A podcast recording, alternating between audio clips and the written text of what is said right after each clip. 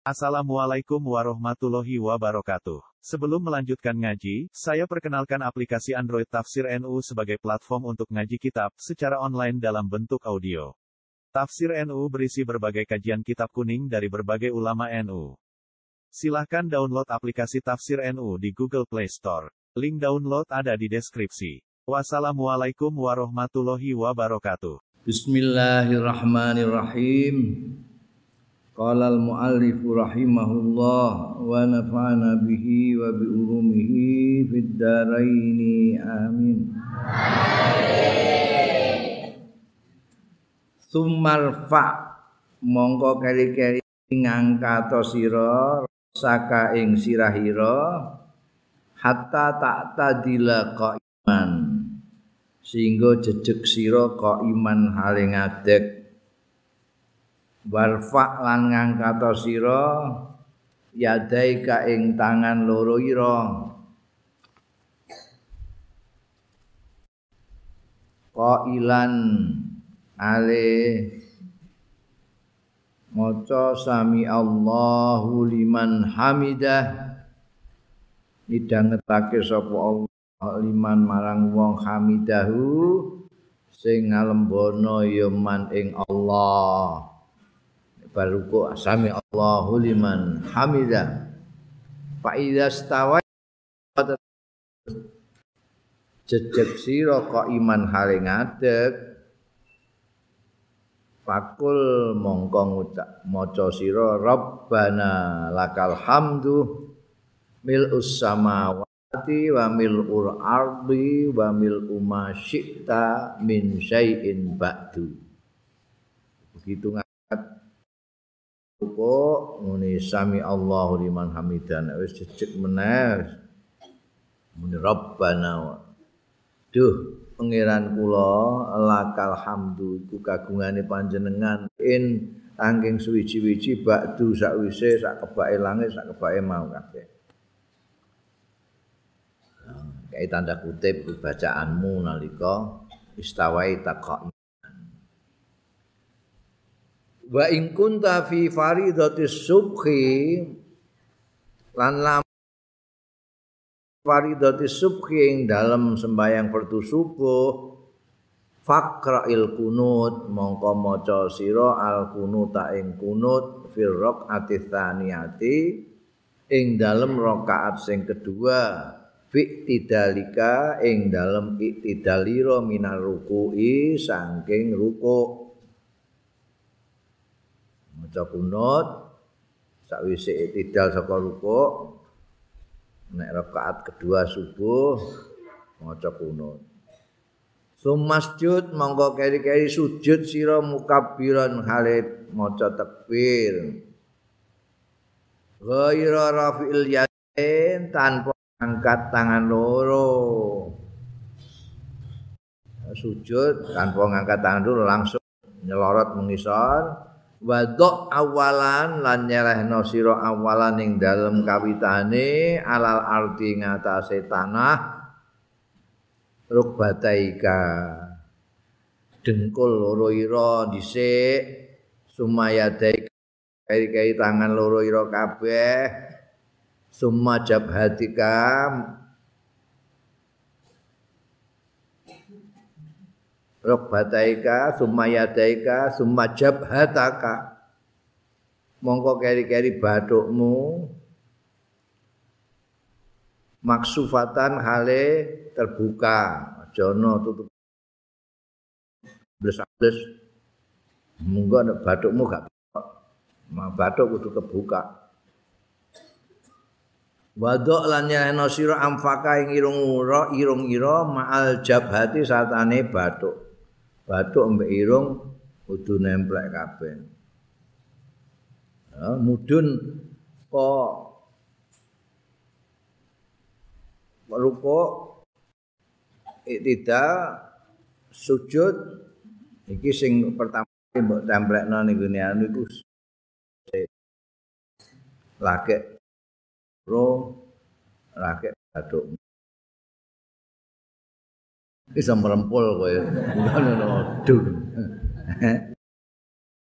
tapi benggang ini aja ini. Tapi aja metenteng ya jane pokoknya dibuka ngono aja metenteng.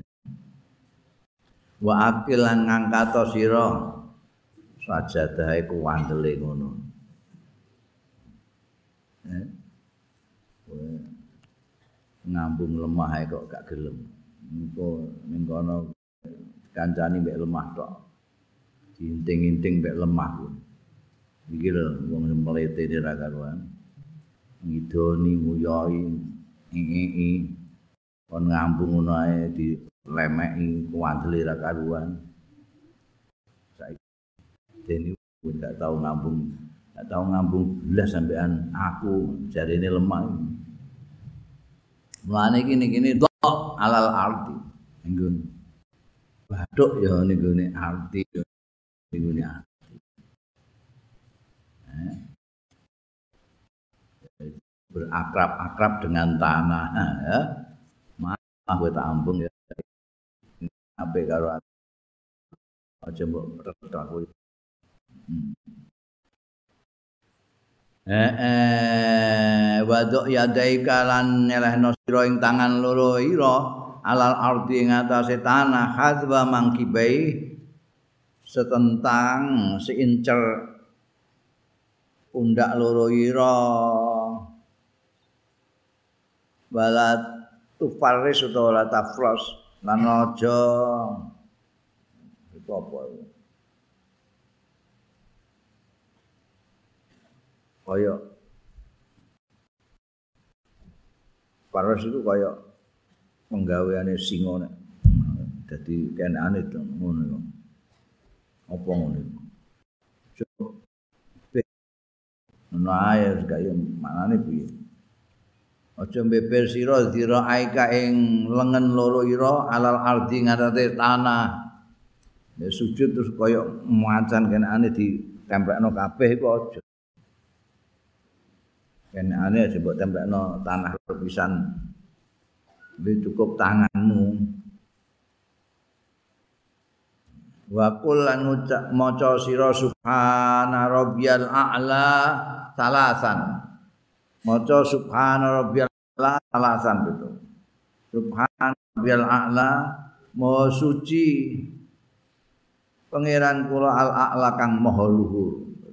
Sekaligus itu mengukuhkan kerendahanmu karena kamu meletakkan kepalamu yang paling dur, enggak usah badanmu yang paling tinggi ke bawah sambil mengucapkan subhana rabbiyal a'la untuk menegaskan ketinggiannya Allah taala.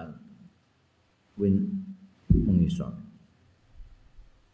menunjukkan rendahmu dan ketinggiannya Allah subhana rabbiyal a'la ping telu salasan nambal kaping telu. Au sab'an utawa pitu au asron utawa sepuluh. Ing kunta lamun ana sira ana iku munfaridan dhewean nek kowe sembayang dhewean kowe telu pitu sepuluh terserah nek kowe dhewean tapi nek kowe ngimami aja akeh-akeh. Eh. Akeh makmume. Nek makmume tuwa ngono malah seneng kowe pirang subuhi kuwi. Nek makmume enom kan berarti ngrasani kowe. Wangkune sujud semono suwene. Tak ngerti wong ngantuk apiye. Sujud keturun piye jake.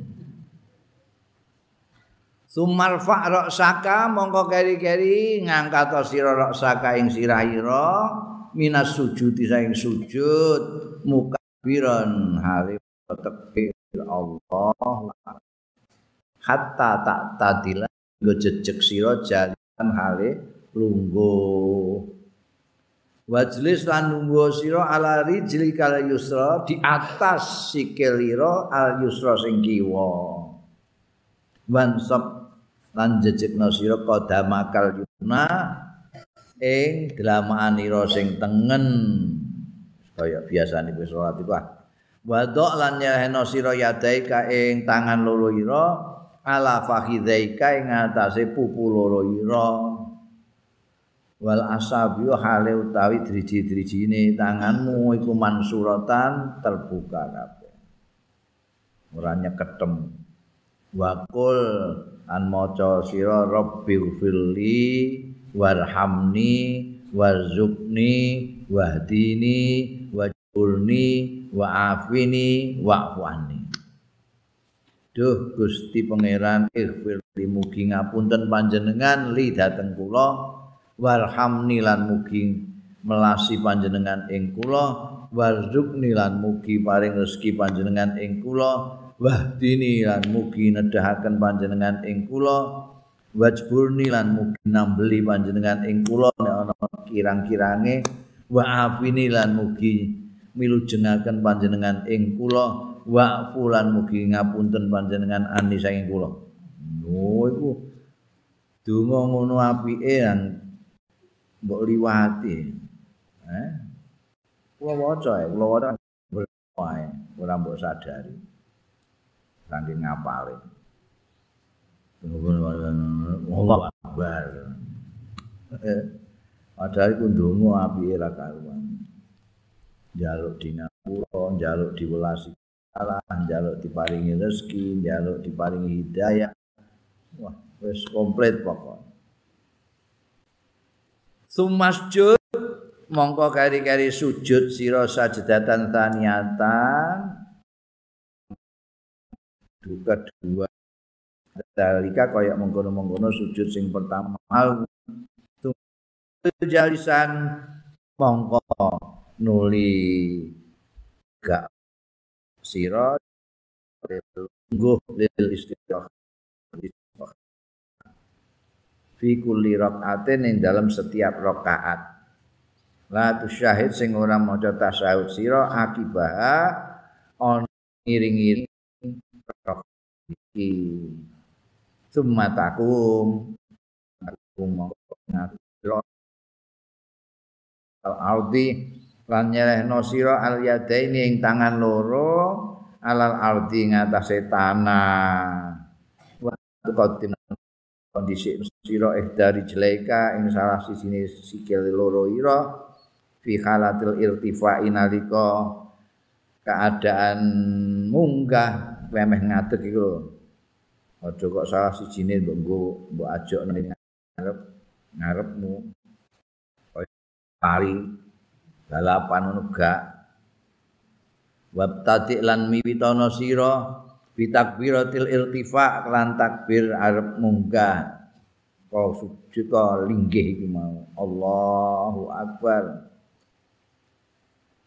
indal qurbi min hadil jilsatil istiraha nalikane parek min hati saking watese lungguh istirahat wa madya lan dawaake jilsa ila inti sofir tifaika tumekane setengah munggahira ila kiamika madeki Allahu akbar. Wal takun lan supaya ana apa hadil jilsa iki lenggah enggak istirahat itu ana iku jilsatan khafifatan. Ya. Ojo suwe-suwe jilsatan khafifatan lenggah yang enteng khafifatan itu muhtatifatan sing cepat rasa suwe-suwe wa lan salat tasaniyata ing salat rakaat sing kedua. Kal ula kaya dene sing pertama mau. Wa ait lan baleno balenono sira at-ta'awudha ing maca ta'awud fil ibtida ing dalam kawitane. Kaya rakaat pertama kamu sebelum baca-baca kamu baca ta'awud dulu a'udzu billahi minasyaitonir rajim ya. Sumajlis fi rakaati tsaniyati. Monggo keri-keri lenggah sira fi rakaati tsaniyati dalam rakaat sing kedua. Lit tasyahudi kanggo tahasud lit tasyahudil awali kanggo tasyahud awal. Wadok lan nyelehno sira al yadal yumna ing tanganmu sing sebelah tengen fi julu sitasahudi ing dalam lenggah tasahud alal fakhidil yumna ing atase pupumu sing tengen. Makbudatal asabi ale gegemake driji-drijine illal musabbihat. Kejaba jari telunjuk illal musabbihat wal ibham jempol. Gegemno liyane jempol karo apa iki? Telunjuk telunjuk kok bahasa Jawane? Penuduh. Patul silahuma nek iki nek penuduh ambekan jempol mbalno sira ora sampe gegemno lepasno nglepasno sira ing musabbihalan abham. Wansur Wansur lan negakno sira musabbihata yubnaka ing driji penuduh ira sing tengen. Driji penuduh tengen ira. Inda kaulika nalikane illallah kayak tanda kutip illallah. Jadi drijimu penuduh itu mau lepas gini aja. La ilaha illallah. Itu ditegakkan. Kayak tanda kutip illallah ini. La inda kaulika ora nek nalika nalika ucapanmu la ilaha. Iki tak tanda kutip. Jadi tokmu negakno penuduhmu iki aja kok pas la ilaha illallah la ilaha terus mbok kenek noga aja mbok kenek sik ngenteni nek illallah. La ilaha illallah lah kek. Ora ngene la ilaha ngono gak? La ilaha illallah. Pas illallah. Oh, ini untuk menegaskan. Tidak ada Tuhan kejaba Allah. Wado al yadal wado lan ya nasira al dal yusra ing tanganmu sing kiwa mansuratan hale terbuka suratal asabi terbuka al fakhril yusra atase pupu sing kiwa wajlis lan nunggu sira ala rijlikal yusra ing atase sikil lira al yusra sing kiwa fi hadhi tasfi hadat tasyahud kama baina sajdain ini antara ini dua antara ini lan ing dalam tasahud akhir mutawarikan hale lungguh tawarruk. Iku biyen ngaji ning kowe iku ana linggih bakul lombok mbek linggih bakul kain. Iku nek gak biasa ning pasar ngerti. Jadi pokoknya linggih kayak biasa nih kalau. Kue nek linggih pertama kali tasyahud pertama kan lain dengan linggih sing terakhir. Linggih terakhir itu akul kain. Sikil kiwa linggih buat tutumpangi sikil tengen. Itu tawari. Kau nak cara ini kau tawaru itu rawon. Cara jani apa jani? Ya wong paling-paling maknane ya linggih tawaruk. Sing memper bakul jare, pengen roh ya mara ning pasar kono delok dhewe. Bakule linggih piye. Mbok nek saiki terus sila bakul ane iku. nek biyen iku beda, bakul linggih kok kaya wong tahiyat ngono. wastakmil lan nyempurnakno sira doa al ma'rufa ing donga sing wis terkenal iku al ma'thura sing ma'thur pada salati sakwise salat ala nabi selawat ala nabi ing atase kanjeng nabi sallallahu alaihi wasallam. Selawat Allahumma sholli ala Muhammad terus sakit donga wajlis fihi ala warikikal aisar. Wasis lan nunggu sira fihi ing dalem asahud mengaki mau ala warikika ing atase bokong ira al aisar sing kiwa. Pedhot rehno rijlaka ing sikilira al yusra sing kiwa? Kharijatan ale metu mintah tika saking ngisor ira bansop lan jejekno sira al qadam al yumna ing delamaan ring sebelah tengen. Tumakul ba'dal firah tumakul mongko keri-keri ngucap sira ba'dhi sawise rampung. Assalamualaikum warahmatullahi tanda kutip. Sebar kabeh.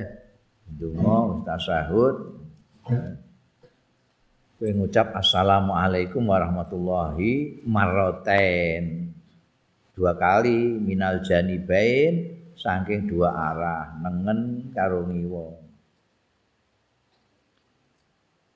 wal tafid lan mlengak sira bi haitsu yura lawan sekirane iso ditingali apa bayadu khaddaika putih-putihe pipimu.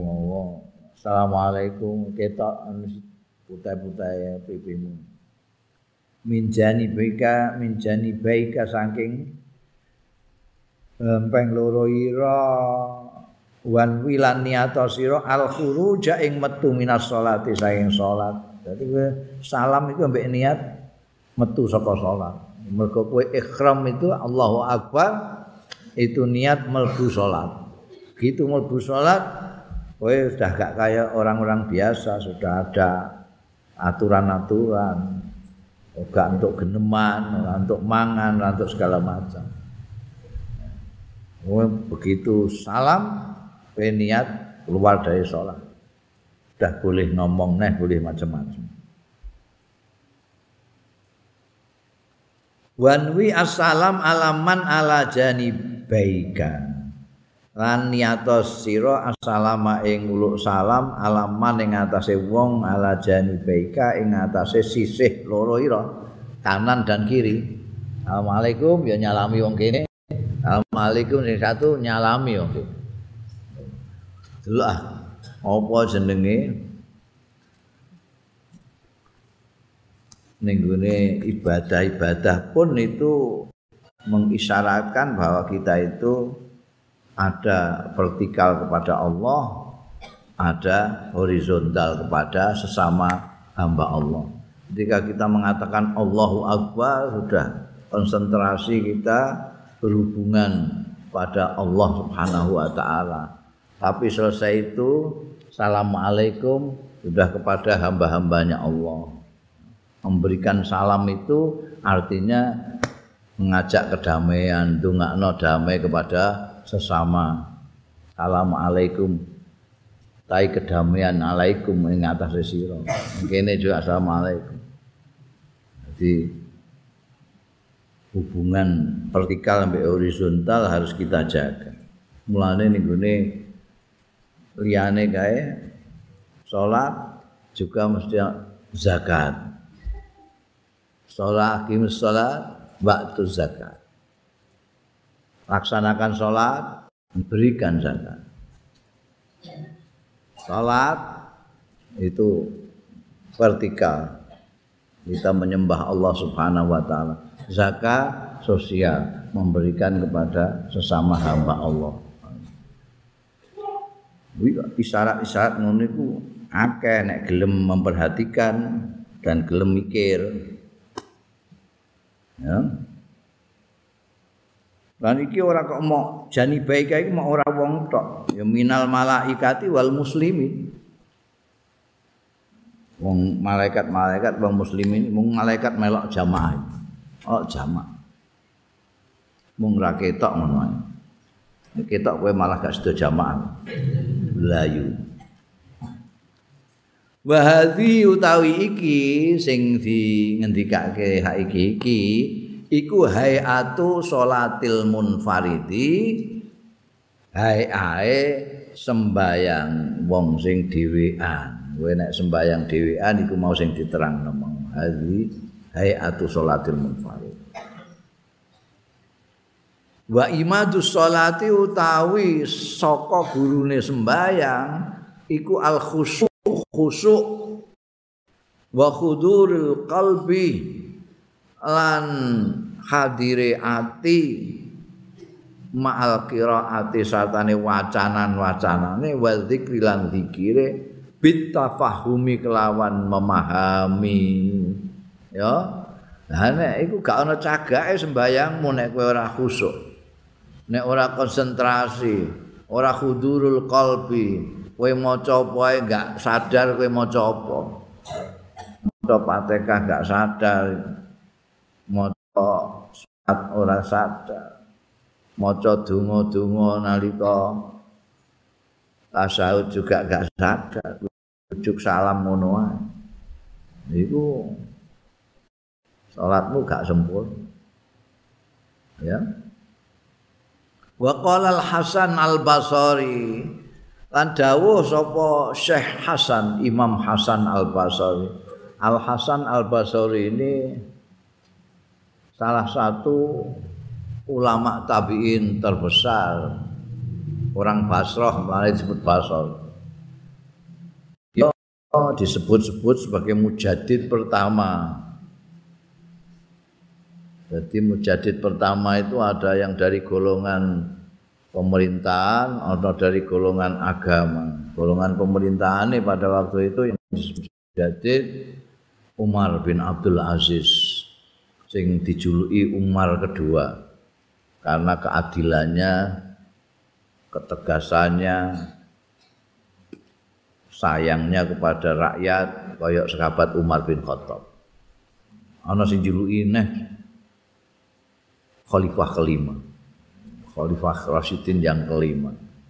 Makanya dia disebut-sebut Umar bin Abdul Aziz salah satu mujaddid karena setiap ujung abad Allah karena kasihnya kepada umat ini mengirim mengutus seorang mujaddid yang pertama itu disebut-sebut Umar bin Abdul Aziz dan Hasan Al Basri dan itu sosial banget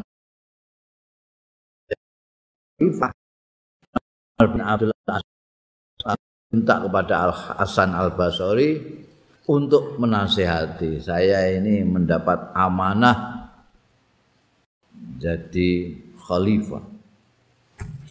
Amanat tanggung jawab saja saya pada Allah dan kepada rakyat. Maka sampean nasihati saya. Saiki jadi dilatih terus nasihat kiai kira ya.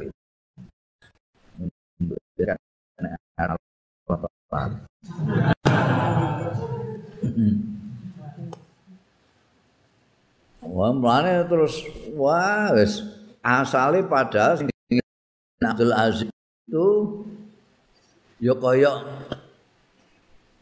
orang-orang istana lainnya lah poya-poya dan pada waktu itu kan poya-poya akan gaya hidup. Kekhalifahan kekhalifahan dinasti Umayyah itu kaya itu tapi begitu Umar bin Abdul Aziz dilantik jadi khalifah semua dilepaskan. Bujune sing masale gelange ngantek sak sikut. Oh anting-anting yang kowe melok aku apa ora? Aku iki saiki dientuk tanggung jawab untuk memimpin rakyat kabeh dadi nek kowe melek aku kabeh bandamu serahno ning ngene kas negara. Nek ora gelem nek kowe kabutan ya sekon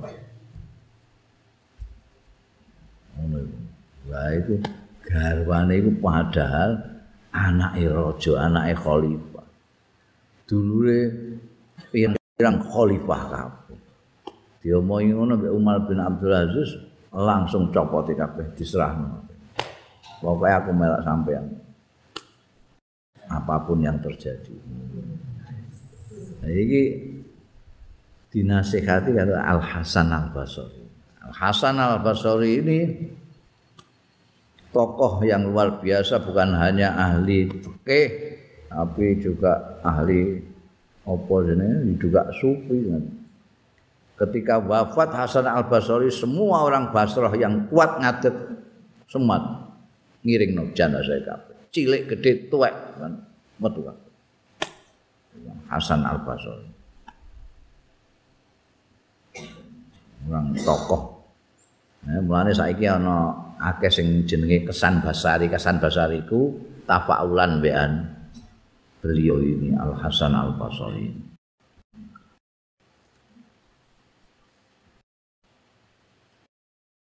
Hasan Basri itu di no dhuwur kene iku apartemene wong Nasrani.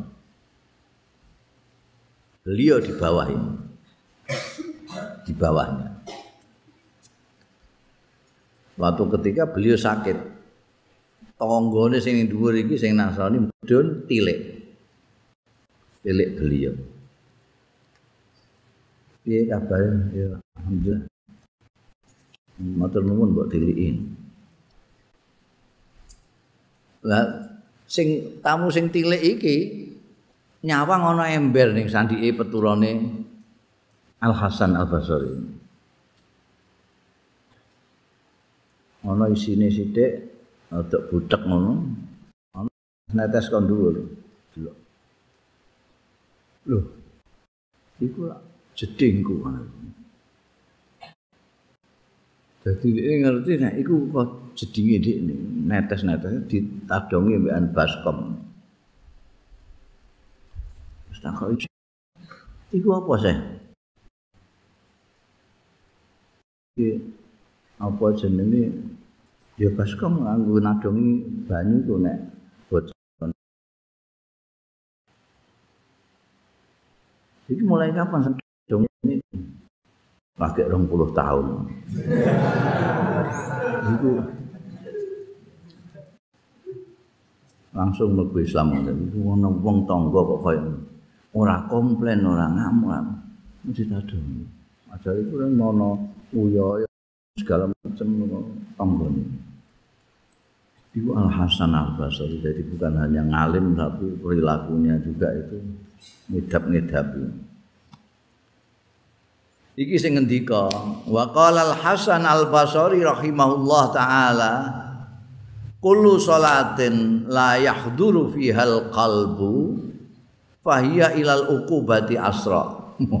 Tapi ngendikane galak juga ya. Kullu salatin salat la yahduru fiha sing ora hadir fiha ing dalem salatin apa al qalbu ati sing salat fahiya mongko tai salat ilal ukubati marang siksa iku asra luwe cepet.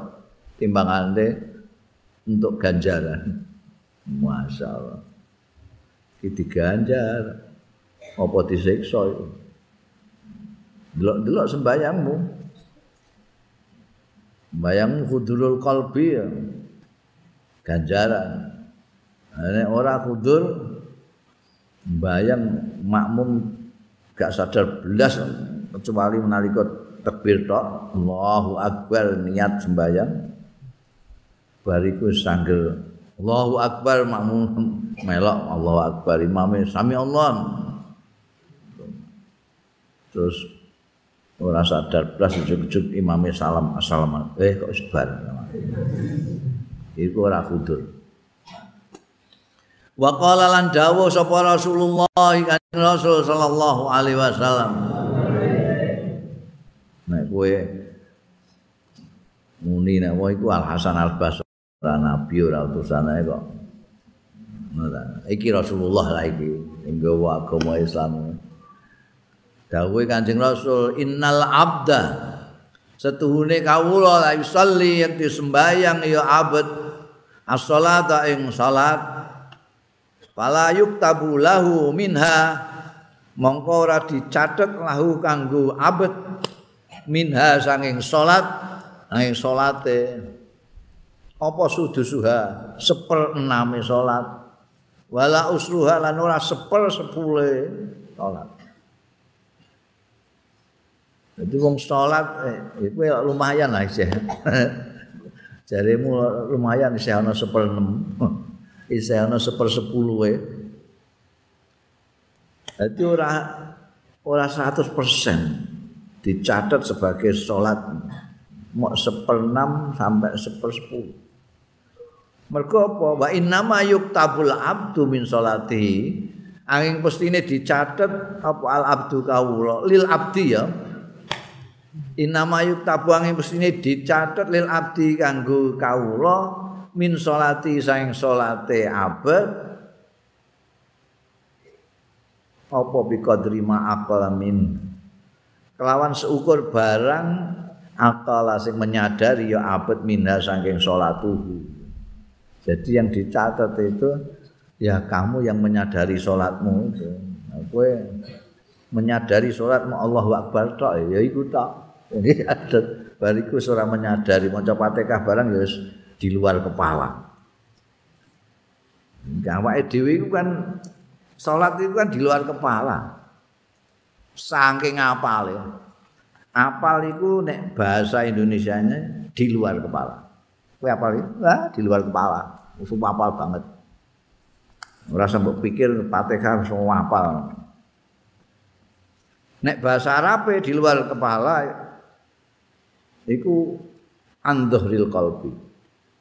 Yo andhril qalbi ora usah diangen-angen lambi iso meluncur nek Fatihah ae. Fatihah ambek kulhu biasane. Eh, iku sing tanpa dipikir apal. sembahyang kita itu apal gitu itu. Akbar apal, Fatihah apal. Nguruk wacanane ya wis apal, ora mbok pikir neh wis iso subhanallahil azim ya bihamdih. Sami Allah ya otomatis. Jadi di luar kepala. Lah padahal salat iku sing dicatet sing di dalam kepala. ora di luar kepala. Ora andzahril qalbi, jabane ati, tapi fil qalbi. Salat itu di dalam kepala, ora di luar kepala. Salat itu fil qalbi di dalam hati, ora andzahril qalbi ning gurine Jadi lumayan nek kowe ana 16 eh? Sepuluh we sholatmu sing dicatat lumayan. Sepuluh sepuluh peng sepuluh kan dia satu adabul imamati wal qudwati. Etikane pengimaman lan pemakmuman. Khutbah itu mengikuti imamah itu kepemimpinan. Maknanya imamah ya kepemimpinan kepemimpinan sholat ya imamah kepemimpinan agama ya imamah kepemimpinan negara ya imamah. Memang sholat itu simbol maknanya gue ngerti etikane imamah ngerti etikane kudwah gue bisa jadi pemimpin ya bisa jadi rakyat jelata ya Waalaikumsalam yang bagi prayoga lil imami. Kedua imam apa ayu khaffifa? Yen to ngentengake ya imam as-shalata ing sembayange hmm iki mbah gak ngerti mbah pancen ndekne kepengin engkek ya. Banyak imam-imam itu yang tidak tahu etikanya ngimami itu. Ngimami itu nek kowe dadi imam iku kudu ngentengno salatmu. Meskipun nalika kowe sembayang dhewean berat banget sing mbok waca ngatamno Baqarah embean surat An'am misalnya tapi nek kowe ngimami kok mbok waca Baqarah mbek surat Nisa misalnya iku gak ngerti etikane dadi imam. Lah saiki kan beda. Nek sembayang dhewean cuma pete ra karuan, nek ngimami suwine ra karuan. Iku rak padha karo ngetok-ngetokno khusuk ya. Ora nganggo etika. Etikane imam itu yukhaffif as-salat. Ndak wonten dalile. Saiki gak senengane tanya dalil to. Ndak iya ngono. Saya lihat sembayang di mana-mana kok imamnya mesti suwi-suwi ngono. Khotbah barang dilewer-dilewer ngono. Iki apa no dalile kok kon yukhaffaf itu. Sembayange kon nyepetno kon ngentengno. Yukhaffaf itu ngentengno. Ola Anas ngendika sapa salat Anas bin Malik radhiyallahu anhu. Kamu tahu Anas bin Malik dia melayani Kanjeng Nabi Muhammad lebih dari 10 tahun. Tahu persis Kanjeng Nabi itu nek salat. Dawe Anas bin Malik, "Ma itu ora sembayang sapa ingsun khalfa ahadin ning burine seseorang. Salatan lawan salat akhaffa ingkang luwih enteng. Wala atamma lan luwih sempurna min salati Rasulillah sallallahu alaihi wasallam. Ini persaksian dari sahabat dekat Rasulullah sallallahu alaihi wasallam hadise sahih hmm pengen dalil menyaksikan Anas bin Malik bahwa saya tidak pernah sholat di belakang seorang imam pun yang lebih enteng tapi sempurna melebihi sholat di belakang Rasulullah Sallallahu Alaihi Wasallam. Anjing Rasul itu enteng tapi sempurna. Ono sing enteng rasa sempurna ya. Yasin Allah Akbar. Wes jerundul-jerundul. Allah Allah Allahu Akbar. Durung ngantek iktidale durung jejeg wis langsung Allahu Akbar. Eh, sing tuwa-tuwa lara kabeh gegere ya Allah. Eh. Iki kok ngungkuli numpak bis malam ini. Bayang imame. Sempurna kanjeng Nabi sempurna bacaannya sempurna anunya sempurna tapi tidak lama-lama. Apa? Khafif akal. Kowe nek dadi imam ya ngono. Nek kepengin salat dhewe kowe terserah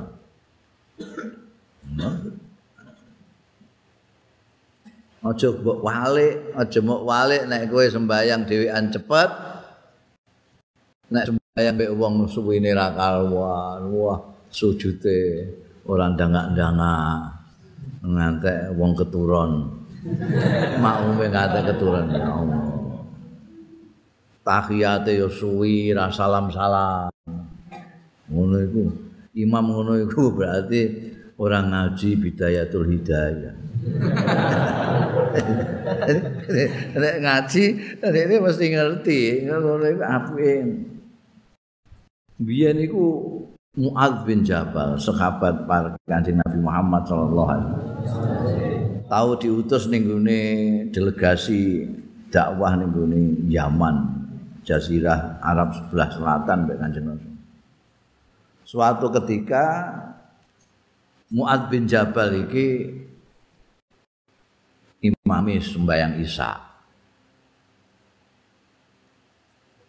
Bar sembayang Isya jamaah itu udah rame-rame demo ning gone Kanjeng Rasul sallallahu alaihi wasallam madulnya sahabat Muaz bin Jabal. Wah Kanjeng Nabi wah ngapokno tiyang umat Muaz bin Jabal niku santri jenengan Muaz bin Jabal. Lho napa napa. Lho niki nek awake dhewe niki wau bar jamaah kalih ki mbake salat Isya. terus piye? Lha kiampe rakaat awal niku ngatamake Baqarah rakaat kaping kalih ngatamake surat Nisa niki dengkul ngantek tesih ndredeg kabeh.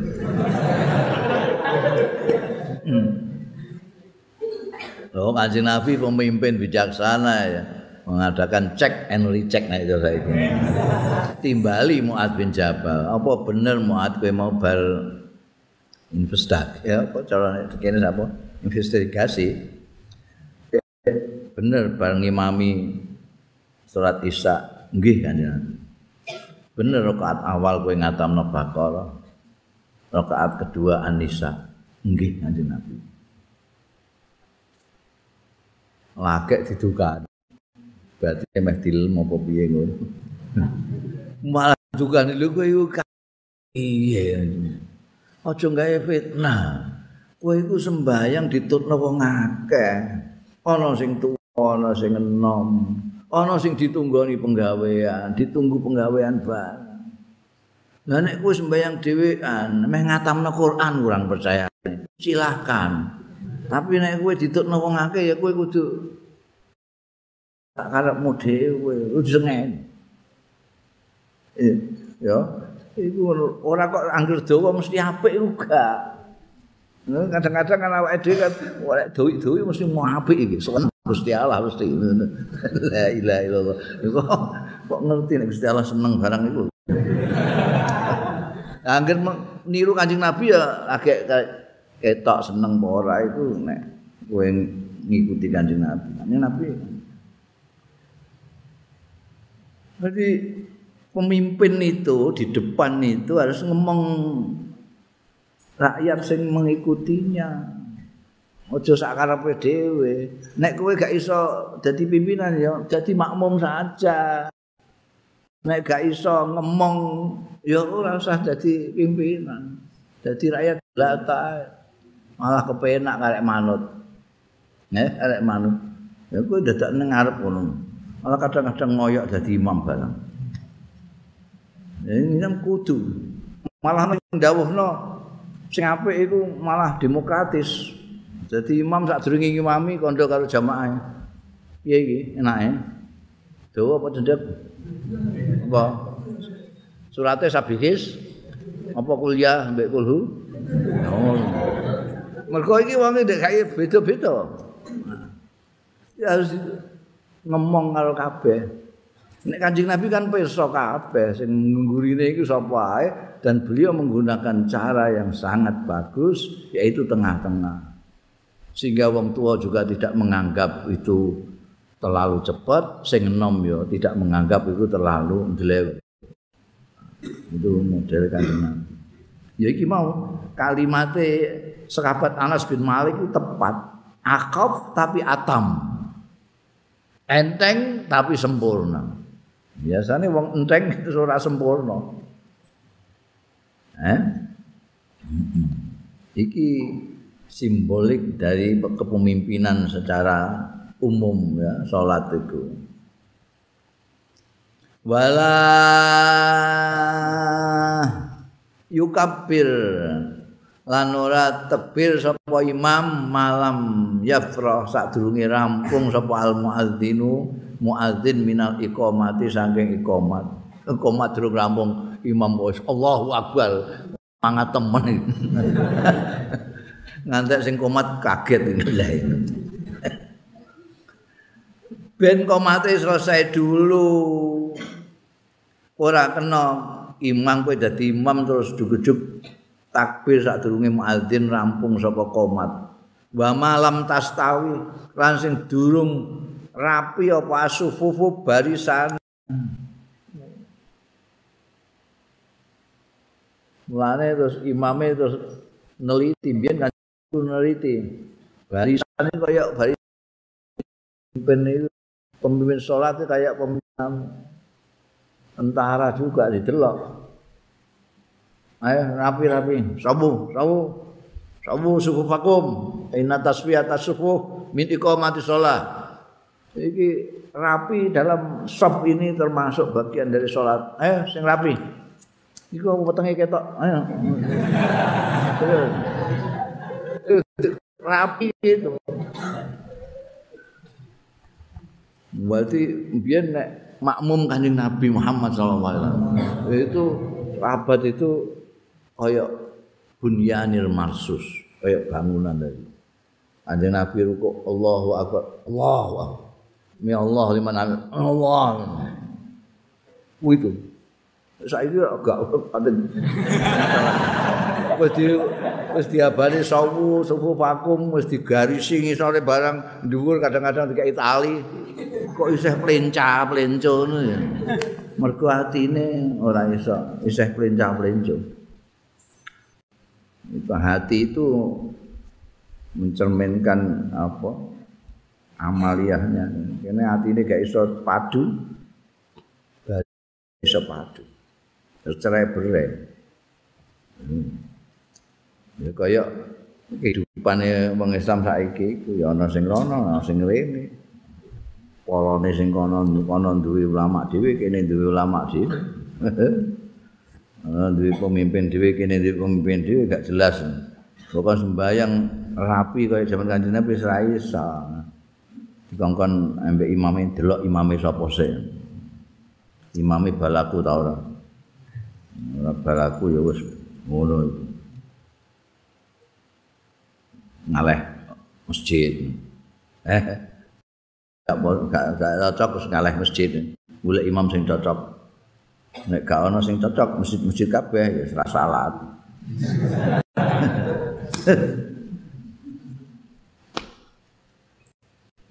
Nek wis rapi kabeh bayar faul imam sautau bit takbirat moko banterake sapa imamu imam sau tahu ing suarane imam bitakbirati kelawan takbir takbire mulai takbiratul ihram takbir arab ruku takbir iktidal ini semuanya dibanterno Allah hmm. malah saiki ana sing wis ana speaker barang iso ana sing tukang banterno iku hmm. Allahu akbar Allahu akbar Ya Allah liman hamid. Rabbana wa lakal hamd. Eh kowe kuwi nek gak krungu ngono lho. Padahal ya si mami tok wis bantene ngono wis nganggo speaker bareng kok isih di dawakno. Penyambung suara, penyambung lidah. Jadi lah nek makmume piye wala yarfa'lan wala yarfa'lan ora banterno sapa al makmum makmum sak tau ing suarane makmum illa bi qadri ma yusmi'u nafsah. Kejaba seukur barang yusmi'u sing ngrungokno ya makmum awak dhewe makmum sakku. Ini wis krungu suarane dhewe gak makmum cukup. Ora usah melok banter-banter ora nyaingi imam. Wayan wil imam lan niat sapa imam al imamata ing imam jadi kowe nek dadi imam ya niat imam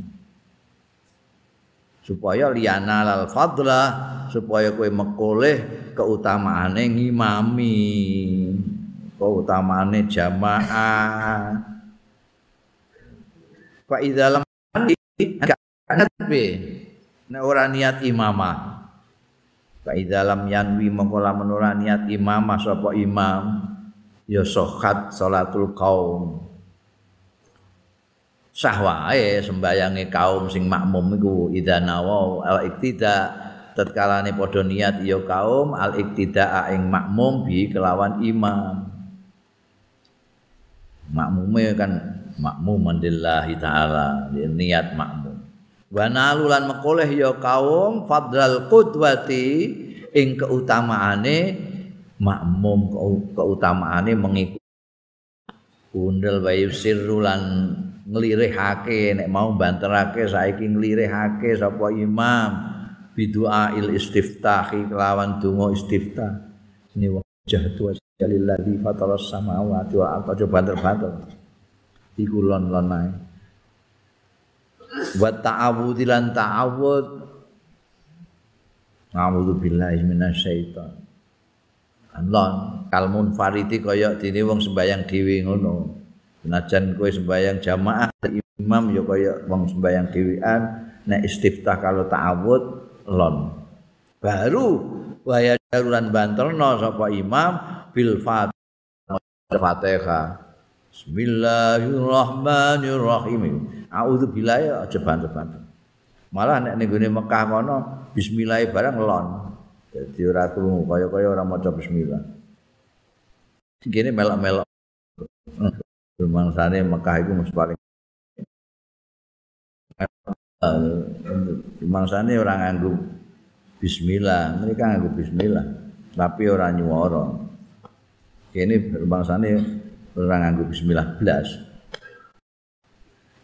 Banterno Fatihah was surah was suratilan surat surate apa fi jami isubhi ing dalam sekabehane salat subuh. Salat subuh kan mok loro. Dadi sekabehane iku sekabehane ate subuh kowe maca Fatihah mbek surate banter. Kok sabihi mbek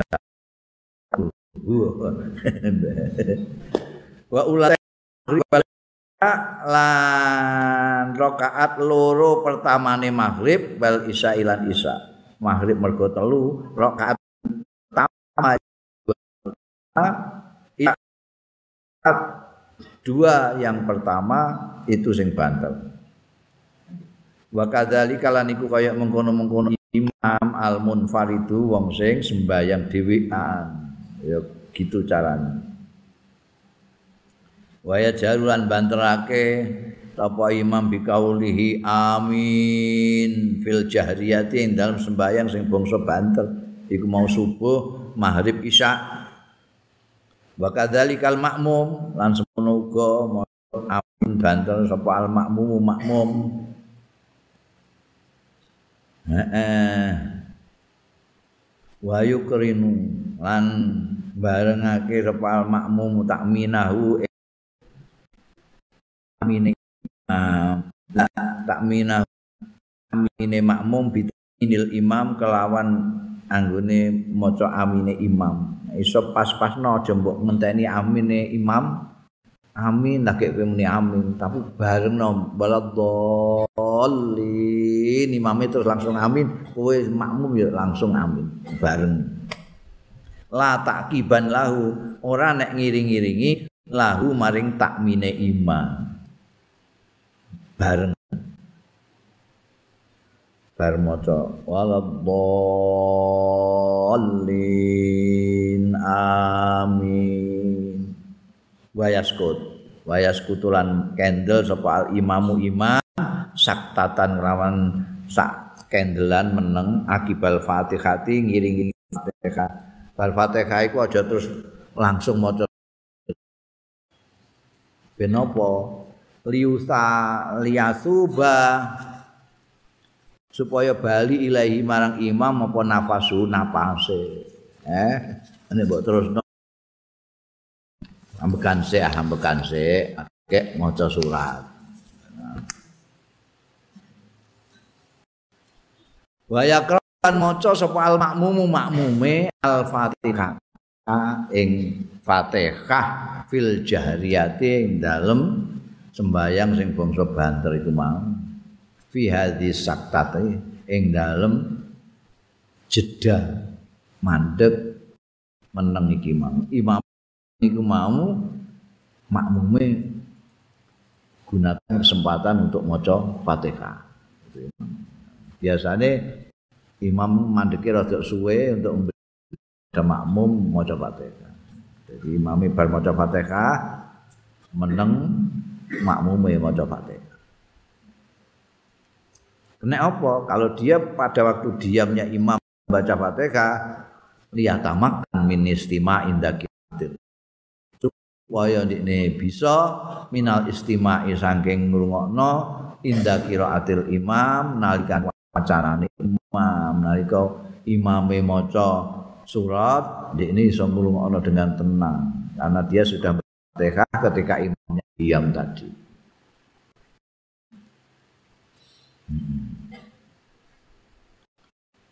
Wala yaqra'ul makmum as-surata fil jahriyah. Lan ora usah maca sapa al makmum as-surata ing surat. Ben imame sing maca fil jahriyah ing dalem sembayang sing jahriyah. Subuh maghrib isya sing maca surah ya imame ae makmum ora usah. Illa idza lam yasma. Kejaba tatkalane ora krungu sapa makmum sautal imami ing suarane imam. Imam gak krungu apa? Speakernya rusak saat Nah, ya biasa makmum ora krungu suarane imam mergo adoh. Nah, itu biasanya krungu terus. Lah nek ora krungu ya dekne maca surat dhewe. Wala yazidu lan ora kena nambahi sapa imamu imam ala salasin ning atas telu fi tasbihatir ruku'i ing dalem tasbih tasbih ruku wa sujudi lan sujud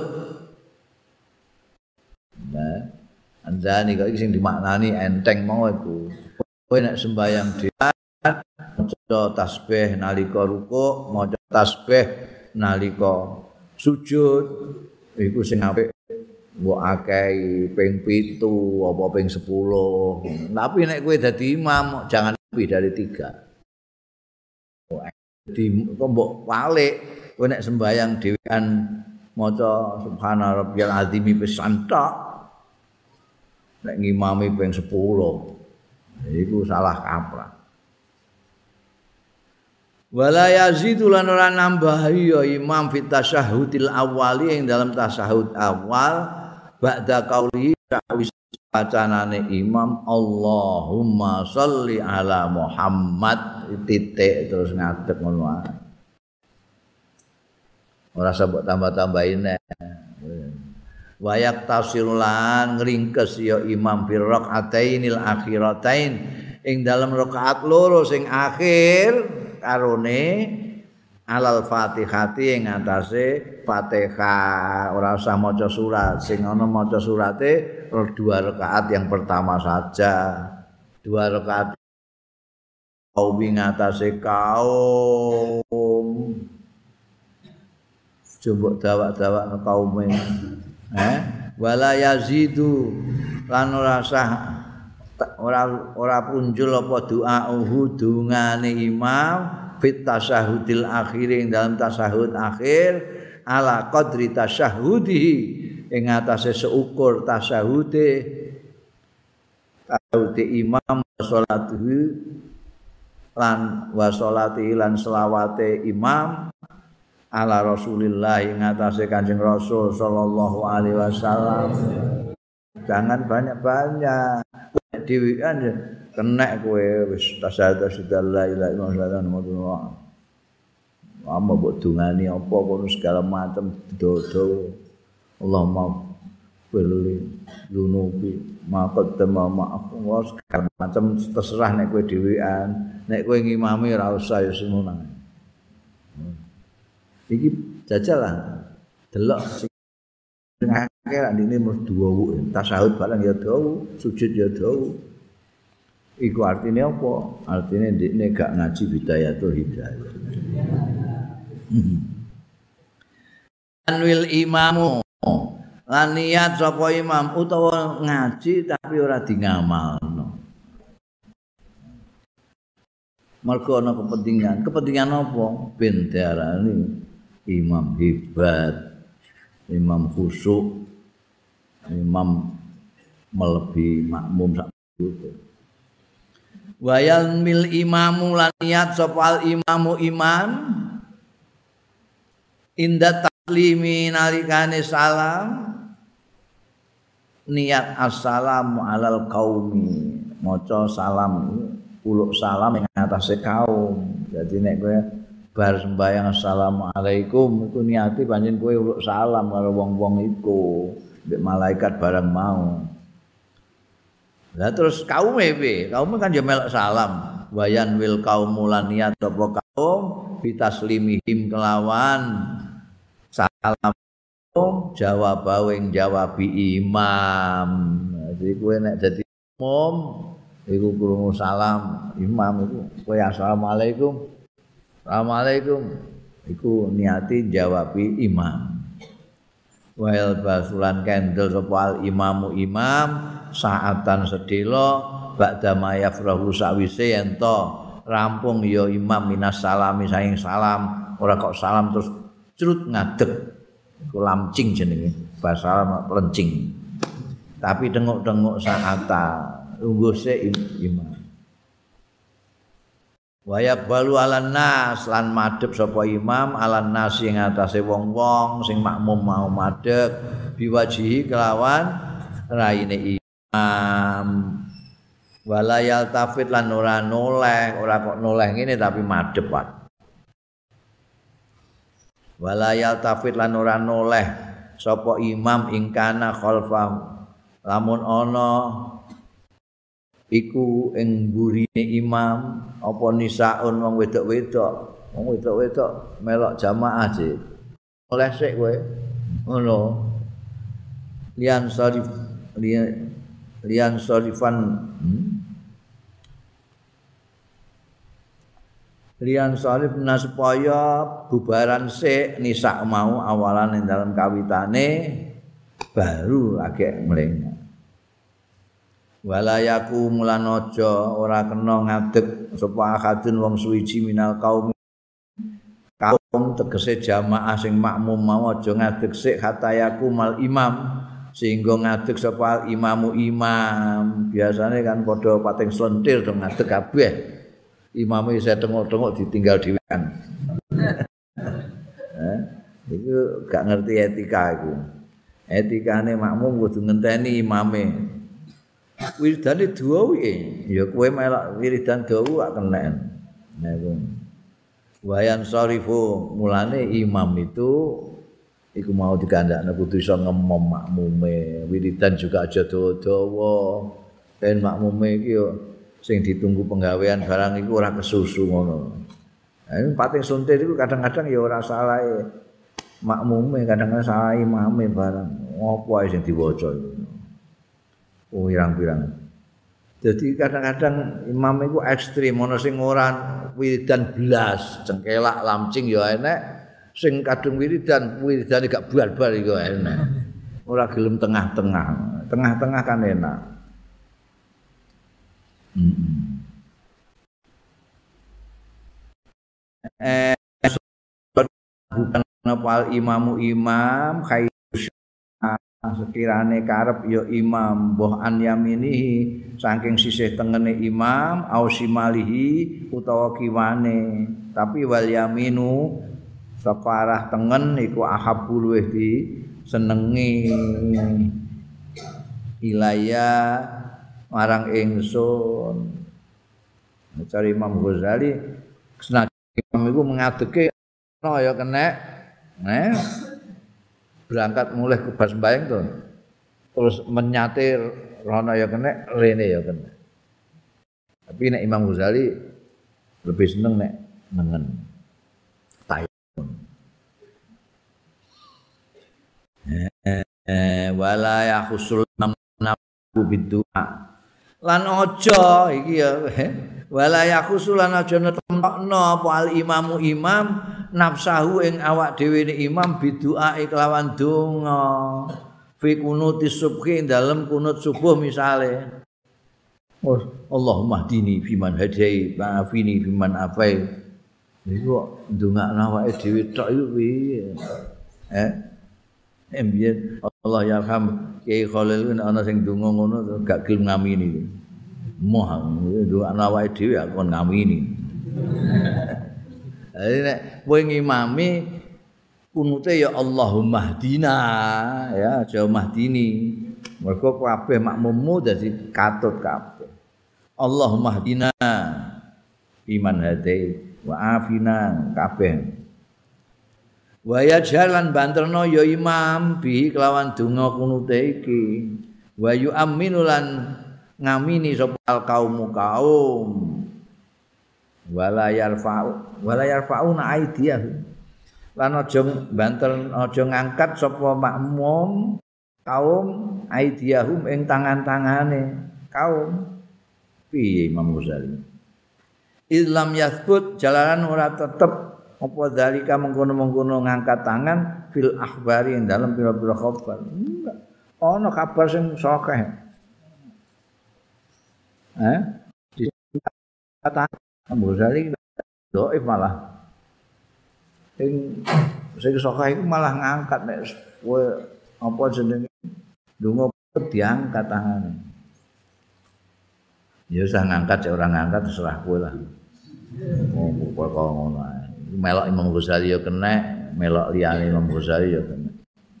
Tapi sing apa sing sahih sing tak ro iku ya sing ngangkat iku. Imam Ghazali kok kadang-kadang nganggo sing dhaif iki.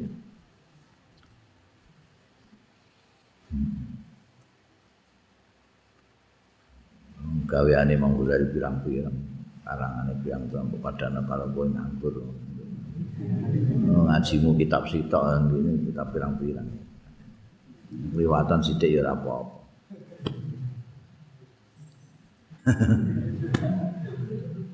Eh, eh, ini terus iki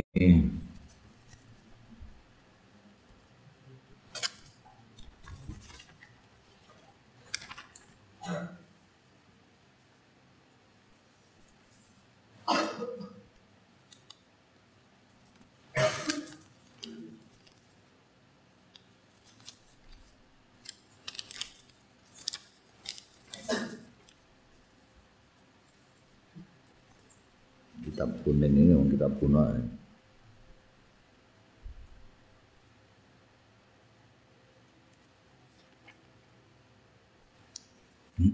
Waqala.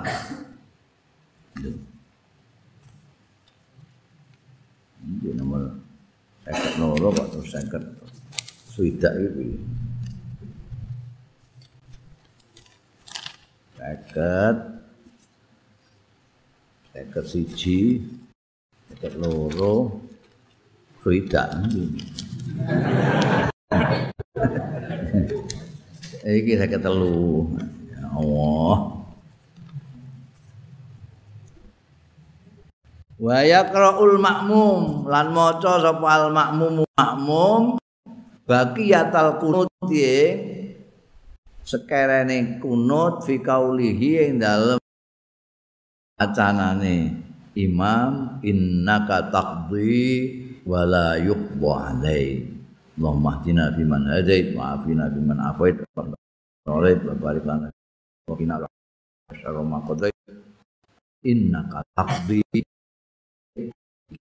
mum malak moso amilan mereka sing mau kan apa jenenge donga mau kan donga Allah mahdina fi man hadait wa afina fi man afait itu donga kabeh. Nah iki kan pernyataan. Innaka sak temui panjenengan Gusti utak dimutusi wala yubda alaika kan boten diputusi apa alaika panjenengan. Nah iki makmum melok muni, ke imame biasanya terus meneng lon-lon.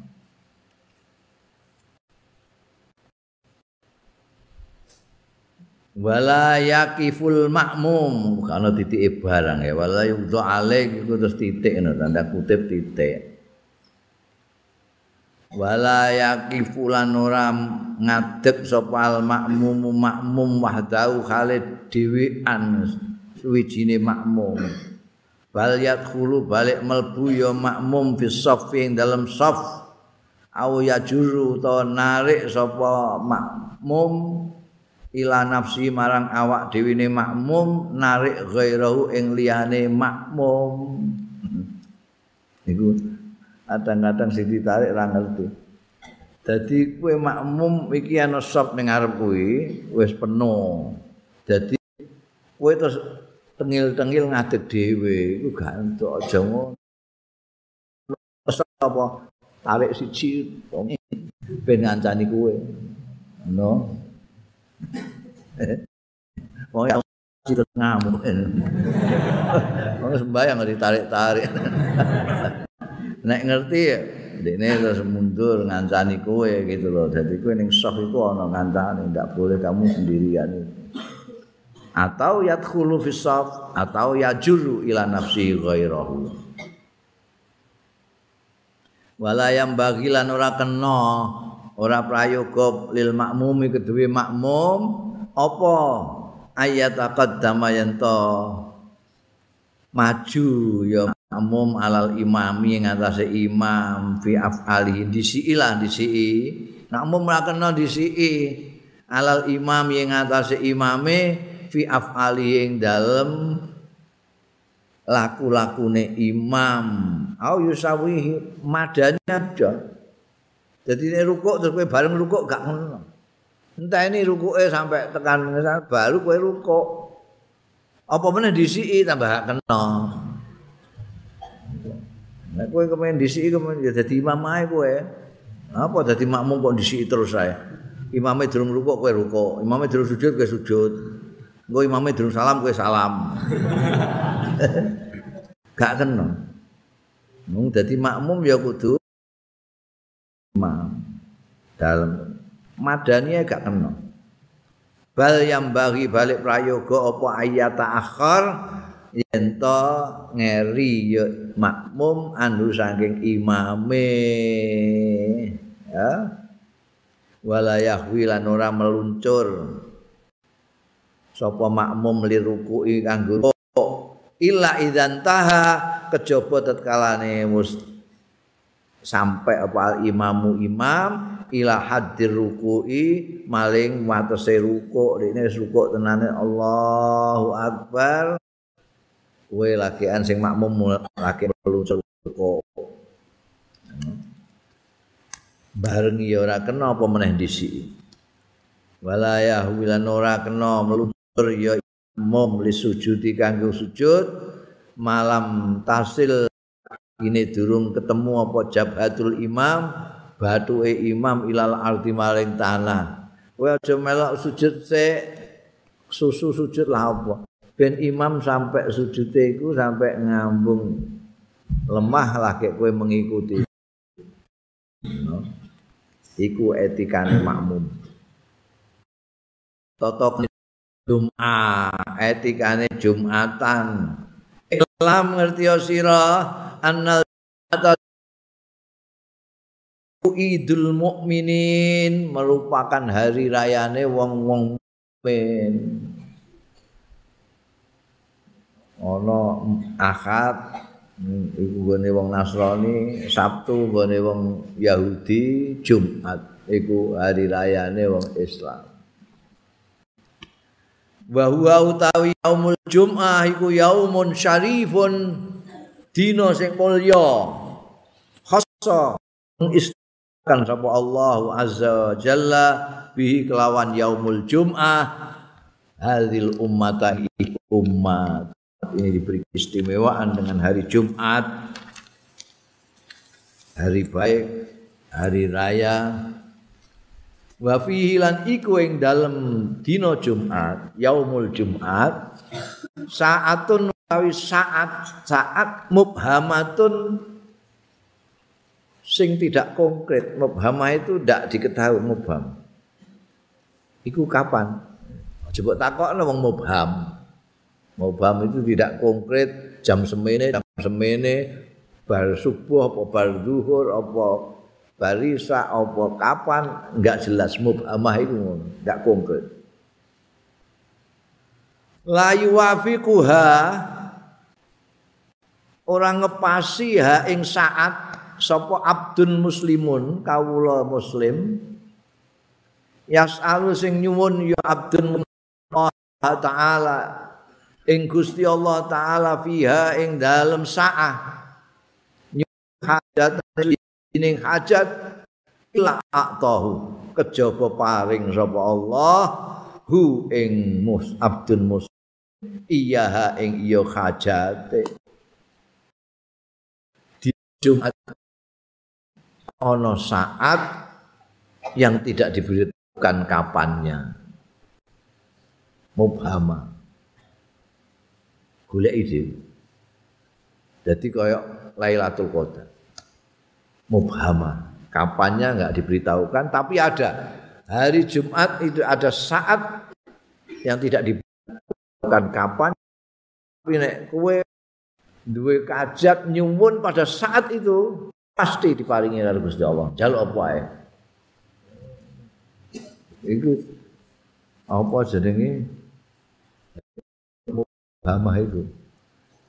Mubhamah itu nek mbok cegat-cegat bungkarwan kasil. Nek kowe ndonga terus saya sak semua itu ya kira-kira iso sing pas. Padha karo Lailatul Qadar. Mbok jujuk tanggal selikur menawa tanggal selikur senengane Gusti Allah kan ganjil nek ora selikur ya telu likur nek ora telu likur ya selawe nek gak selawe telu likur iku rak karepmu wong iku mau paham durung karuan pas. Engko kowe mbok cegat selikur kali-kali telu likur nggih. Mbok cegat telu likur kali-kali selawe. Lah supaya kena piye ya selama bulan Ramadan itu terus saya setiap malam kowe goleki Lailatul Qadar kok mesti ketemu. Iki ya ngono. Lah mubham. Tapi eh, Jumat iku wis mulai ini kemis bengi, mulai maghrib wis kowe mulai donga. Eh. Kowe senajan duwe penggawean ya mbek donga-donga. Kowe paringi akeh nulis ambek ndonga. Tapi nek nyetatus ya gak iso kowe ambek ndonga. Ya, ambek ndonga. Iku ketoke aku kok bolak-balik ngepasi. Kepengin umroh gratis, ya kasih. Eh? Pengen umroh gratis kan. Pengen ngantek emoh-emoh duit itu ya kasil. Mom, duit ngantek emoh-emoh. Duit kok teko terus saya. iya, itu apa aku tahu donga ngono terus ngepasi apa piye? ya Allah. ila tahu iya fasta'id lah mongko siapno ya siap-siap sira lah kanggo Jumat iki min yaumil hamisi mulai sejak dina kemis bitanzi tiap kelawan bersihake pakaianmu kowe pakaianmu cumpon ya diubah sik ha wa bi kasrati tasbih lan kangkeh ngakehno maca tasbih. Wal istighfar lan istighfar. Asyiyatul khamis mulai bengine kemis sorene kemis.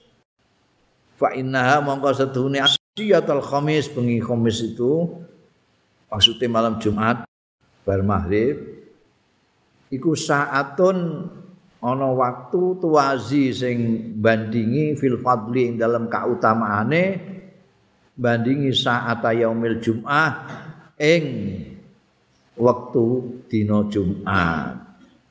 Jadi bengi iku fadilah padha karo Jumat kuwi. Hari baik.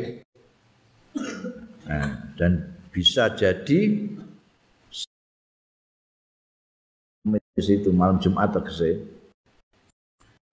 One week lan niyato sira sauma yaumil jumat ing poso dina jumat. Lakin ma'al khamis. Tapi kuwi sejak kemis awis sabtu utawa sabtu. Jadi kena poso jumat itu poso. Utawa sabtu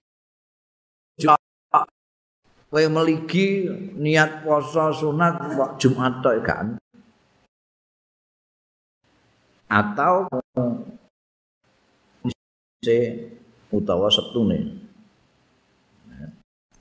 iku ana hadise ana dalile antuk nabi. Kowe poso meligi Jumat itu hari raya. Arep ya sak kemis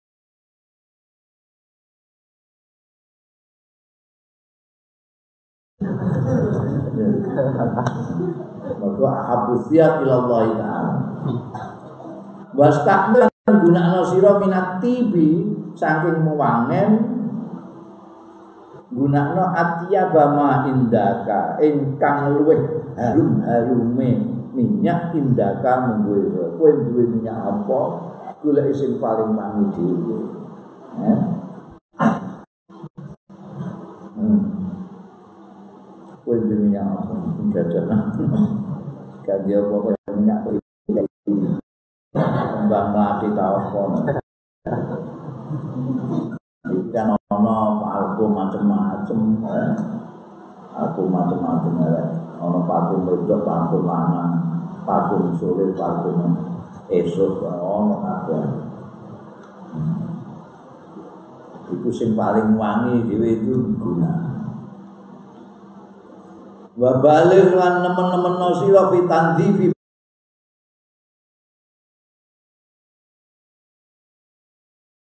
Sa'ir anwa in nadhafati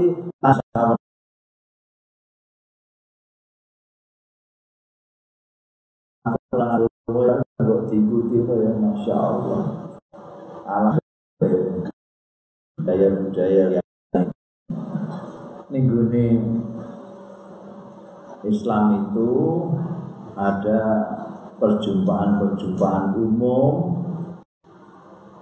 Itu seharian nono harian itu yaitu lima kali sehari. Itu ada subuh jamaah duhur jamaah asar jamaah maghrib. Ada mingguan. Mingguan itu kumpulnya lebih banyak. Jamaah biasa itu nih masjid-masjid biasa tapi hari Jumat khusus itu nih masjid jamek jenenge. Itu bisa kabeh bahwa mesti tiga jam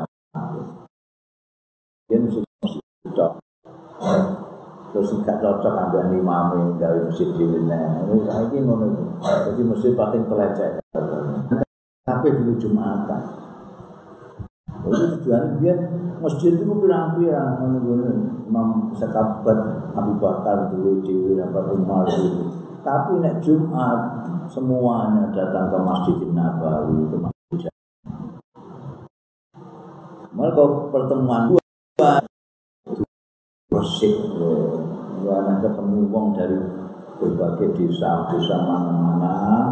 Jadi itu jogo ngadus musik, bolot-bolot hilangi, eh, musik, yang perlu bertoto-bertoto, eh, nggo wangen sing paling wangi menggo kaya kowe ketemu sembahyang ning masjid itu iki do seneng kabeh iki wonten. Lan nek kowe ratus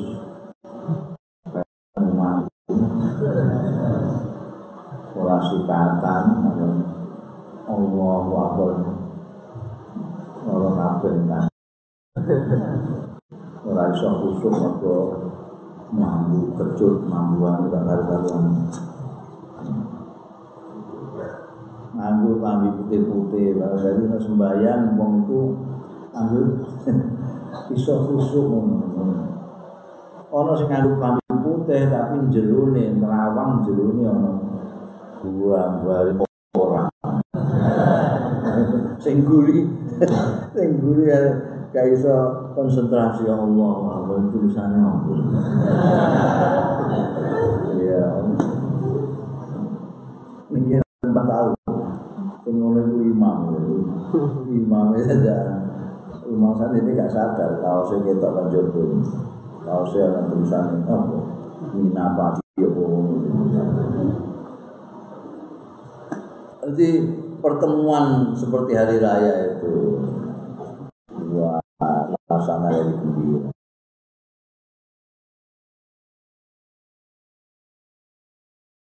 Kan mau tolong dong, kan pipi. Mengembang di Jakarta biasanya lah Jumatan, alasannya musafir. Kalau itu malah diperlongo. Masjid jamaah ditinggal moron Jakarta kalau membayar munas.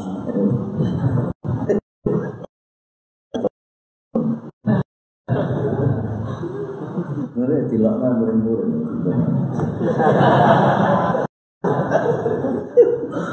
Ini kalau kita apa ya? Kemudian ini kita mendidik ya kalau itu mantan itu jangan biar malah di sana jangan mengumpulkan Ya, bios zaman akhir tuh apa kiamat harus keliwat.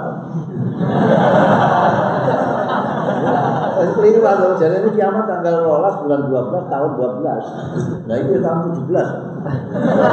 Harus keliwat.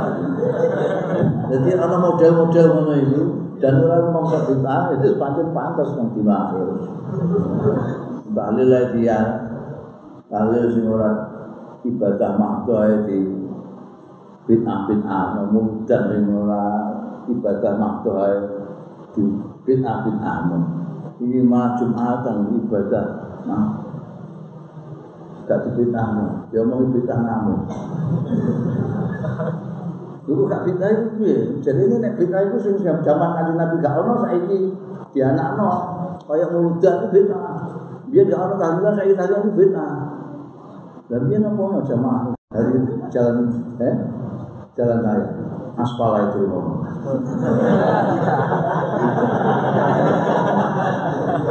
Lalu gak aku muni ngono muni bak muni bid'ah besar. Gak ono sing gak ono sing bantah. Sing ono Ono sing apa wah sok arep bantah aku. Ini Gus, ada jembatan pasang gambar pasukan Turki. Pasukan Turki eh zaman apa? Sultan Al-Fatih itu sembahyang ratan ini wah Jumatan ngatan. Ini malah pamer kudu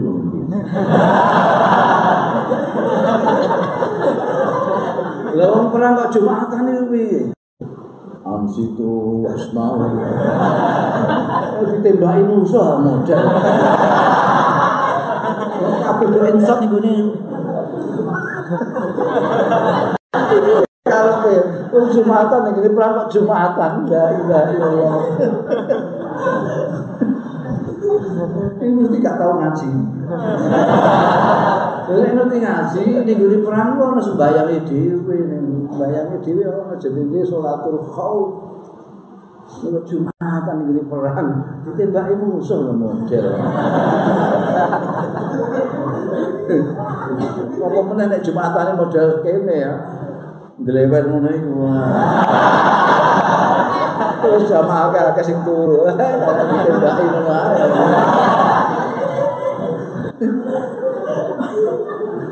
Aku kadang-kadang ketunggu ya, pengen ngeplak.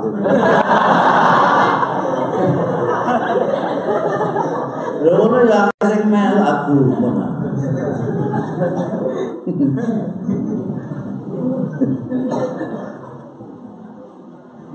Eh, eh, gue nek kowe wis nganggo wangen-wangen wang-wang. Wah.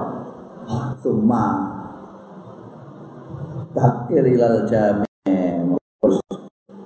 isu-isu anjiro ilal jami marang masjid jame was'a ilaiha. Lan tumandang sira ilaiha marang jame ma'alal hayati. Ila alal hayinati hayina bahania. Hayinati ala hinati. Alon-alon. Wasakinati lan anteng.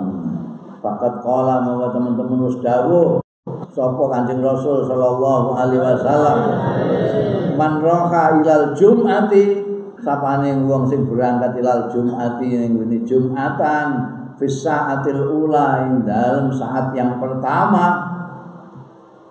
Pakaan nama mongko kaya-kaya korba korban sapa man roha badanatan oh ing unta nek mangkat isuk dhewe wah mangkat dhewe padha karo korban unta. Unta itu pitung nilai ini korban. Waman roha sapane wong sing berangkat Bisaati tsaniyati ing dalam saat yang kedua. Pakaan nama mongko kaya-kaya setuhune qoroba pakaan nama qoroba kaya-kaya korban sapa man roha bakaratan ing sapi. Oh. kan biasa sapi. Semua yang kedua sapi. Waman roha sapani wong berangkat di saat tali ing dalam saat sing ketiga maka annama qarraba mongko kaya kaya korban sapa man kapsan akron ing domba sing bertanduk akram. Waman roha sapane wong sing berangkat yaman fi saati rabi'ah. Ing dalam saat yang keempat fa'akaan nama qarraba mongko kaya-kaya. Korban sapa wong bujajatan ing pitik. Korban pitik. Tidak tidak Nah, gue kapan berangkat saat keberapa itu? Waman roha sapane wong sing berangkat fi saatil khamisah ing dalam saat sing kelima akan nama korba kaya kaya korban sapa wong bidotan ing ndok siji. Wong saya ndok ndok. Pak Ida kharajal imam monggo tetkalane terus metu sapa imam. Imam tuyat monggo wis dilempit apa asubuhu lembaran catatan iki. Mungkin nek sak durunge imam metu catat ini bulan-bulan bulan saat pertama unta. Ini bulan-bulan saat kedua sapi. Sampai kelima. Ini terkali beli di lima dok. Nah wes balik itu terus dilempet wes ora ana tulisane baru fi atil aklam yang diangkat apa al aklamu pena penanya sudah kolamnya. Gue terus habis yang kelima ya wes ora ana catatan ora ana ndok. Apa jenenge? Hmm. dan terakhir itu ndok. Yang kue ke enam itu wis soal catatan ndok cecek kayak orang. Buat setamaat lan kumpul al malaikat para malaikat indal mimbari ana sandinge mimbar ya sami dzikr padha midhangari ya malaikat al dzikra ing dzikir. Kena imam wis keluar malaikat kumpul ning mimbar wis ora ana catatan wa yuqulun nasa fi qurbi ana sing ngendikane wa yuqulu lan ngendikake apa anan nasa sedune manusa. Fi qurbihim ing dalem pareke manusa indan nadhari nalikane nyawang ila wajhillah marang wajah Gusti Allah taala. Engko ning ing atase seukur isuim nas wong-wong lal Jumat marang Jumat kowe nek tekamu ning saat pertama mau isu banget. Ben cedak banget kowe nyawang Allah Suma ida dakhalta al jami monggo tekane wis mlebu kowe al jami'a ing masjid jami. Fatlub ngomong boleh sira as-safal awal saf pertama. Nah kowe bagian saatul awal ya iso ning awal nah kowe tekane ing saat kelima ya iso fa idza tam'an nas monggo tekane kowe teko ning masjid fa idza Wa idza istama'a monggo tekalane wis kumpul apa anasu wong-wong.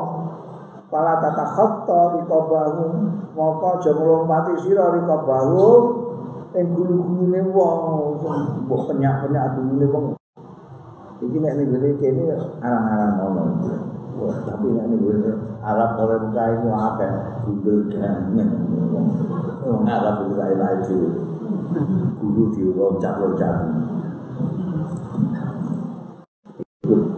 padahal gak boleh membela dengan wala tatakhara riqabau wala tamuru lan aja ngliwat sira aja lewat sira iki sing akeh sing nglakoni ngene iki. Ora ngaji wala tamuru aja ngliwati sira baina aidihim ana ing ngarepe jamaah nas. Wong ngarepe wa hum hadal fatihah satu fatihah.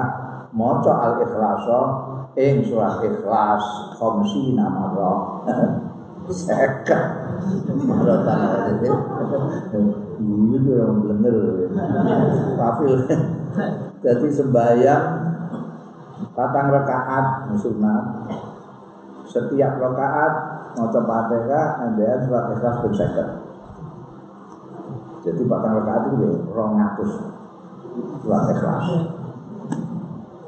Papil khobari mongko iku tetep ing dalem sucining khobar. Gone hadis utawi annaman fa'ala dari kasune wong sing nindakake yang mandali kae mengkono-mengkono. Salat patang rakaat atau Fatihah lan surat Ikhlas seket setiap rakaatnya lam yamut orang bisa hatta yara sehingga ngerti sapa man mak adau ing panggonane man minal jannati saking swarga oh jadi sumbut kowe maca semua akeh mergo balesane kaya ngene. Jadi tak durunge mati kowe roh oh panggonan kuwi swarga kono. Au yural aku to diweruhake ya mahadawu lahu marang man. wala tatruk lan aja tinggal sira at-tahiyata ing salat tahiyatul masjid aja tinggal salat tahiyatul masjid wa ing kana imam yahtub senajan ana sapa al imam imam ana iku lagi khotbah tapi nek imam khotbah tahiyat ya aja dawa-dawa singkat saja lah. Ora usah maca sak bikis bareng apa dua ya atau mau coba mau coba Terus pakai kata ngono. Cepet imam wis ning khotbah. Wa termasuk kesunahan antakro autayen to maca sira fi arba' rakaatin nek kowe gak gelem 50 iki orang pilihan lain. Eh pilihan lain. Serah kowe apa maca 50 surat ikhlas apa iki? Antakro fi arba' rakaatin An'am tapi tapi wa toha lan surat toha wa yasin lan surat yasin. Eh? dari patang rakaat itu rakaat pertama An'am rakaat kedua kafi rakaat ketiga toha ya. Yasin Wah, mungkin kiat pulau. Pak ilam takdir memang kelamun ora mampu sira ya pas suratu yasin rakaat pertama yasin itu pilihan ana pilihan ketiga itu suratu yasin rakaat kedua wa dukhon wa dukhon nomor anu rakaat ketiga alif lam mim sajdah. Nomor papat suratul mulk. Hmm. Karena aku nanti keempat Terus itu Milih Wala tatu wala kada wala tata lan aja tinggal sira kira suat maca iki surat-surat fi lailatul jumat ing dalem bengine Jumat. Surat Yasin Tuhan alam saja surat muluk itu Fafia mongko iku ing dalem. Hadis suat fadlun kathirun utawi keutamaan sing gedhe sing akeh. Wah, kula mboten kiat pun mboten kiat. Wa malam yuksin dari kasapane sing ora iso ya dari kae ngono mau kaya kowe ketawa guyu. Fal yuksir mongko ngekeh-ngekehno ya man mingkira ati suratil ikhlasi saking maca surat ikhlas.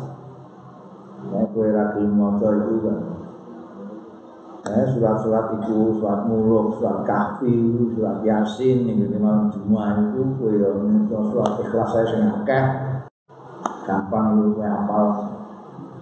Wa akhir lan ngekeh-ngekehno sira minas sholati saking selawat ala Rasulillah ing atase Kanjeng Rasul sallallahu alaihi wasallam fi hadzal yaumi dalam iki dina khosatan khususe. Senajan kowe selawat ning hari-hari biasa biasa selawat tapi khusus di dina Jumat ini perbanyaklah pada selawat. Selawat apa wa mahma kharajal imamu. Lan semongso-mongso metu. Sapa imamu imam. Faktok. Wa mahma kharaja wallahu a'lam